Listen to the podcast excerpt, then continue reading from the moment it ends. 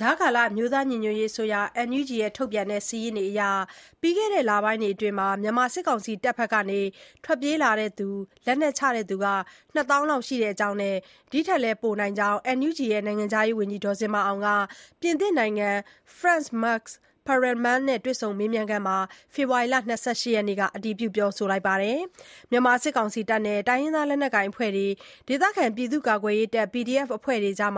တိုက်ပွဲတွေပိုပြင်းထန်လာပြီး စစ်ကောင်စီဘက်က စစ်စခန်းတွေအများအပြား လက်လွတ်ဆုံးရှုံးနေသလို တပ်ဖွဲ့ဝင်တွေအများအပြားလည်း ထွက်ပြေးနေတဲ့အတွက် စစ်တပ်ရဲ့ ထိန်းချုပ်မှု ကျဆင်းလာနေပြီလို့လည်းဒေါ်ဇင်မာအောင်က ပြောပါတယ်။တိုင်းရင်းသားလက်နက်ကိုင်အဖွဲ့တွေနဲ့ NUG လက်အောက်ခံတပ်တွေဟာ နယ်မြေ ၆၀ ရာခိုင်နှုန်း ဒါမှမဟုတ် ၇၀ရာခိုင်နှုန်းနီးပါး ထိန်းချုပ်လာနိုင်ပြီး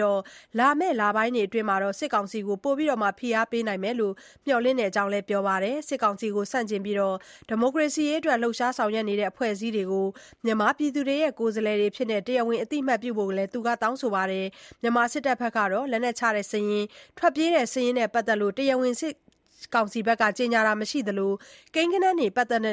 ကိန်းဂဏန်းတွေနဲ့ ပတ်သက်လို့လည်း သီးခြား အတည်ပြုချက် ထွက်မလာသေးပါဘူး။မြန်မာစစ်တပ်ဟာ ဆယ်စုနှစ်ပေါင်းများစွာအတွင်း အရင်ကနဲ့ မကြုံဖူးတဲ့ အနေအထား၊အရေးနိမ့်လာတဲ့ အခြေအနေကို ရင်ဆိုင်နေရတယ်လို့ သုံးသပ် ပြောဆိုမှုတွေ ရှိနေပါတယ်။